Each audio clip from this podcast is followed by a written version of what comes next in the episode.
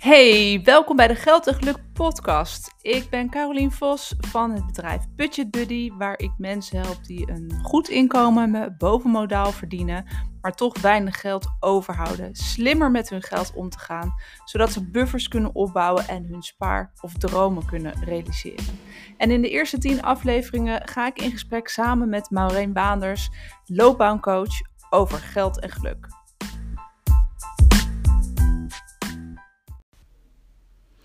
We gaan het vandaag hebben over de gevolgen van financiële onrust. Uh, want wat je ziet is dat er. Uh, het is eigenlijk een ondergeschoven kindje. Zodra er financiële problemen zijn of financiële zorgen, of ik noem dat ook wel onrust. Uh, dan zie je dat dat enorme gevolgen kan hebben ook op, op gezondheid en hoe je je voelt. Zie je dat ook? Ja, die herken ik inderdaad wel. En um, ik vind het wel interessant wat je zegt. Het is een ondergeschoven kindje. Want um, wat, wat, bedoel je daar precies mee? Nou, wat, wat ik vaak tegenkom zijn mensen die. Uh, uh, ja, ze durven het eigenlijk ook vaak niet uh, toe te geven dat dat een van de oorzaken zou kunnen zijn van stress. Vaak zijn mensen die. die die verschijnselen hebben, um, daar komt vaak niet naar boven dat financiën daar een oorzaak van is. Dus je bedoelt eigenlijk van, dat, dus als mensen stress hebben, dat een van de oorzaken ook nog wel eens inderdaad uh, financiën kan zijn. Precies. Ja, nou, ik, uh, ik herken het wel hoor, zeker wel.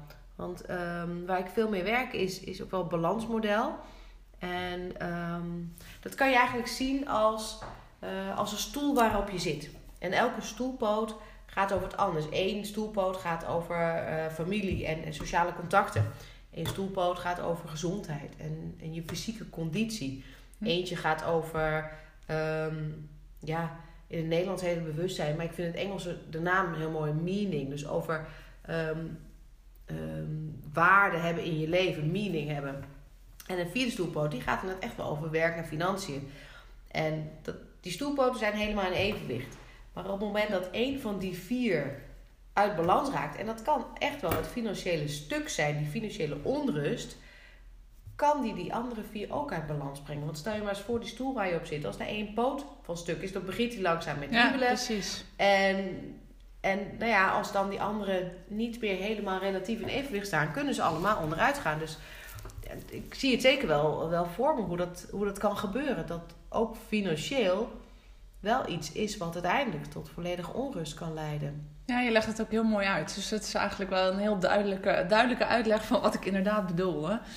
Uh, maar wat, wat, wat ik in ieder geval vaak zie, is dat het ook niet echt altijd zichtbaar is. Hè? Dus ja. dat financiële stuk, dat is, er heerst zo'n taboe op en zo'n schaamte. Zodra mensen daar last van hebben, uh, ja, dan, dan gooien ze het liever onder het kleedje, zeg maar. Of schuiven ze het liever onder het kleedje dan dat ja. ze durven uit te komen dat dat een van de oorzaken is waardoor ze niet lekker in hun vel zitten. Ik zeg, ik zeg altijd heel vaak, eten mensen nog liever hun schoen op... dan dat ze zeggen dat ze issues hebben in hun financiën. Want je hoort het natuurlijk wel gewoon op orde te hebben. Ja, dat, dat geloof ik wel dat dat zeker zo is. Want uh, zeker inderdaad, waar we het hier over hebben... Kijk, je hebt financiële onrust van... ik kan daadwerkelijk mijn rekening niet meer betalen. Dat is een financiële onrust. Maar je kan natuurlijk ook gewoon financiële onrust hebben... dat je uh, je rekening wel kan betalen... maar dat je misschien de dingen die je graag wil doen niet kan doen. Of dingen die je omgeving doet. Precies. Of ja. als, uh, als je met vriendinnen uit eten wil en dat ze dan heel wat leuke, leuke restaurant bedenken. En dat jij dan meteen denkt. Dus eigenlijk op de site zit te kijken naar de menukaart. Van ja, maar dat, um, ja, dat, dat kan ik dan eigenlijk niet betalen. Of dat wordt me dan te duur. En dat je dan eigenlijk gaat afzeggen. Is dat ook wat je bedoelt? Of, uh... Ja, en dat sluit heel erg aan met jouw uh, stoelpoot. ja. Want wat je inderdaad, uh, ik heb dat ook wel in mijn directe omgeving ook wel gezien, is mensen dat, dat mensen dan afzeggen of afhaken vanwege financiën. Um, ja, ik zie dat dan aan de, aan de achterkant, of tenminste aan de achterkant, hè, omdat, het, omdat het mijn werk is en dat ik veel mensen daar ook mee help. maar dat, is, dat kan dus echt ook een reden zijn om, um, ja, om, om, om je echt daadwerkelijk ja, af te zonderen en af te zeggen, omdat, ja, omdat je dat, je kan het je eigenlijk niet permitteren. Maar ja, dat durf je natuurlijk niet openlijk te, te vertellen. Nee, en dan krijg je dus eigenlijk dat een, een financiële onrust je ook op sociaal gebied deels misschien gaat isoleren. Kijk, en dan zie je inderdaad alweer die stoelpoot die ik net vertelde. Dan gaat die ene, die, die, financiële, of die, eh, die financiële poot, die wankelt al. Ja. Maar dan begint de sociale ook alweer een beetje te wankelen. En dan heb je er al twee Ja. uit balans. ja, want je isoleert daarmee eigenlijk ook eh, al die andere dingen die, hè, die heel belangrijk, Heel eh, belangrijk voor zijn. je zijn. Ja. Ja. Dus onbewust gebeurt dat toch. Ja, en dan is de volgende stap, is er op een gegeven moment als je uit balans komt, ja, dan, dan eh, een burn-out klinkt natuurlijk altijd heel heftig en dat hebben we alleen maar op het werk. En, eh, want dat is te hard werken en te veel werkdruk. Maar ook dit kan uiteindelijk leiden. eh, je zit niet zomaar van stress in de burn-out. Er gaan wel facetten aan vooraf. Precies. En op een gegeven moment komt het punt dat je dan er slecht van slaapt. Of, of nou ja, weet je, dan gaat de rest gaat langzamerhand ook meespelen. Dan heb je toch echt wel kansen dat, dat, dat de stress langdurig blijft. En als je langdurige stress hebt, ja, dan kun je richting een burn-out. En dan kan misschien ook je werk eronder gaan leiden. Nou, gelukkig zijn wel steeds meer werkgevers daar ook druk mee, mee, mee bezig. Hè? Want ehm, zodra iemand ziek is vanwege financiële problemen, eh, ja, dat, dat brengt natuurlijk een hoger, hoger ziekteverzuim met zich mee. Zeker, eh, of ja. minder productiviteit. Nou goed, daar weet jij natuurlijk meer van eh, dan Daar ik. zit er vol in. Ja. Maar goed, dus gelukkig zijn daar eh, veel werkgevers wel mee bezig om ook op die, eh, hè, op die stoelpoot, Ja. om daar maar even mee voor te blijven Ja. zitten, om daar steun in te geven. Want er zijn zoveel oplossingen om eh, ja, daar ondersteuning in te bieden op dat stuk, op het financiële stuk. Ja. We denken heel vaak inderdaad van klachten zijn of werkgerelateerd, of een relatie die niet lekker gaat, of nou goed, alle voorbeelden die we, die we misschien wel kennen. Maar dat het financiële stuk is echt wel een stuk wat, ehm, eh, ja, wat, wat net zo heftig mee kan spelen. Ja, en ik denk dat daar ook de, de crux echt in zit. Is, is de bewustwording dat eh, stress en burn-out gerelateerde klachten... dat dat niet alleen maar werkgerelateerd hoeft te zijn... of inderdaad privé loopt het even niet lekker... of ik ben uit balans of ik kan mijn rust niet vinden... maar dat die ook echt wel in een ander deel kan zitten. Bijvoorbeeld inderdaad in dat, eh, in dat financiële stuk. En nou, je noemde ook net al een beetje schaamte... Maar schaamte is ook iets wat heel moeilijk is om, om overheen te zetten. Want als je ergens voor schaamt, ja, dan is het heel moeilijk om dat überhaupt te bespreken met iemand. Ja, het is echt de angst om met eh, billen bloot te gaan. Hè? Ja, Ja. precies. En En- dan kan je nog zo makkelijk zeggen, ja, als je erover praat, dan heb je vaak, tenminste dat zeg ik vaak, dan heb je de Ja. helft van problemen opgelost. Maar goed, hè, zo simpel is het niet. En ik begrijp dat eh, ook nog wel. Ja, daar zit echt wel de crux inderdaad in. Want schaamte is inderdaad, door over schaamte te praten, ehm, is het grootste euvel inderdaad al opgelost. Maar ja, met wie ga je daarover praten? Ja. En want je zegt terecht van, eh, juist eh, zit er echt wel een taboe op, op, op de financiële kant. Want waar we het over hebben, we hebben, hebben een leuke baan, we hebben eh, goed inkomen, je hebt het goed voor elkaar. En toch heb je moeite om de eindjes aan elkaar te knopen. En dat, ja, ik kan me heel goed voorstellen dat het echt wel denkt van ja, serieus. Hoe? Zo. Ja, aan de buitenkant is het ook heel vaak niet, niet zichtbaar. Hè? Dus eh, wat, wat er eh, eh, ja, achter het deurtje zich afspeelt. Maar er, kan, kunnen natuurlijk wel degelijk grote zorgen zijn over, over financiën. En we vinden het natuurlijk allemaal heel normaal als een bijstandsmoeder ehm, die alleen voor de kinderen zorgt, ja, de touwtjes aan elkaar vast moet knopen. En daar soms ook in de knel komt met de financiën. Dat vinden we allemaal heel begrijpelijk. Maar wat, precies zoals jij eh, omschrijft, zodra iemand er aan de buitenkant uitziet van ik heb het allemaal prima voor elkaar, een goede baan, een goed salaris, eh, ja, is die drempel natuurlijk nog vele malen hoger om, Ja. eh, om hulp in te schakelen. Juist dan, Ja. juist dan is die drempel hoger. Het is precies, ik vind het heel mooi hoe je het zegt inderdaad. Voor de een, ja, niet zozeer zie je het, maar dan weet je het inderdaad van daar zit wat achter, dus dat is lastig.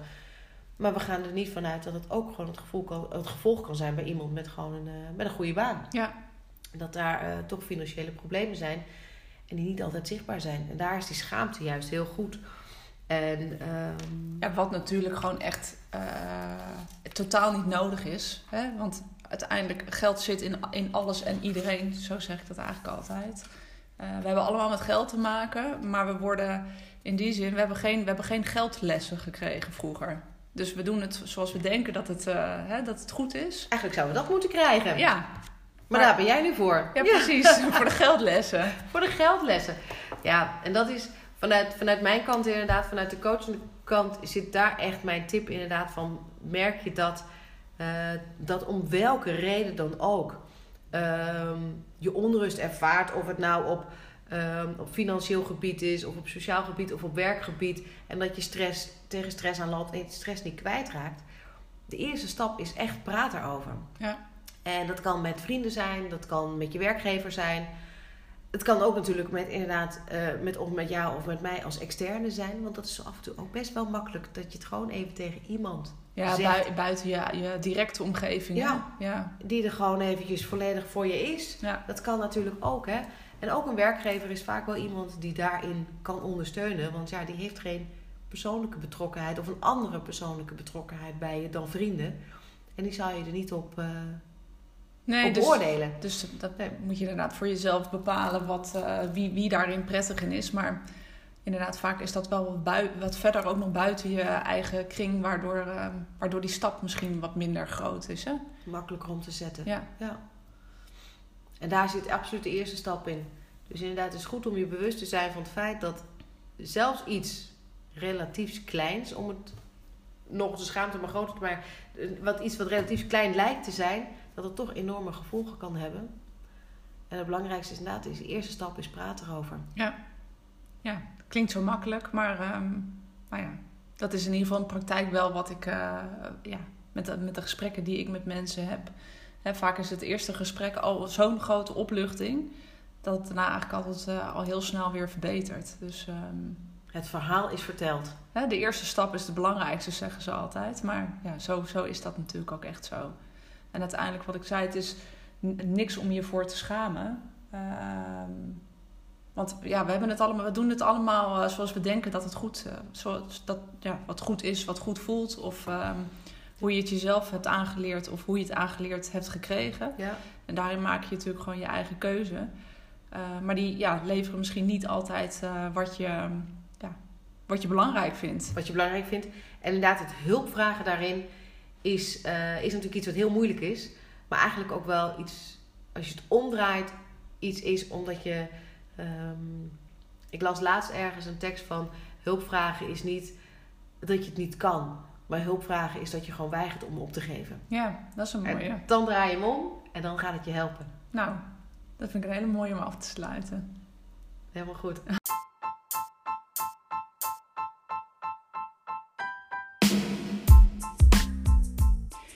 Ja, dank weer voor het luisteren naar de Geld en Geluk podcast.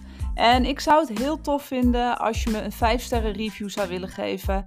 Op het moment dat je op Spotify luistert, kan je dat doen door de, bij de drie puntjes de 5 sterretjes aan te klikken. En dat helpt mij enorm om weer nog meer mensen te inspireren om beter voor hun geld te zorgen. Dank je!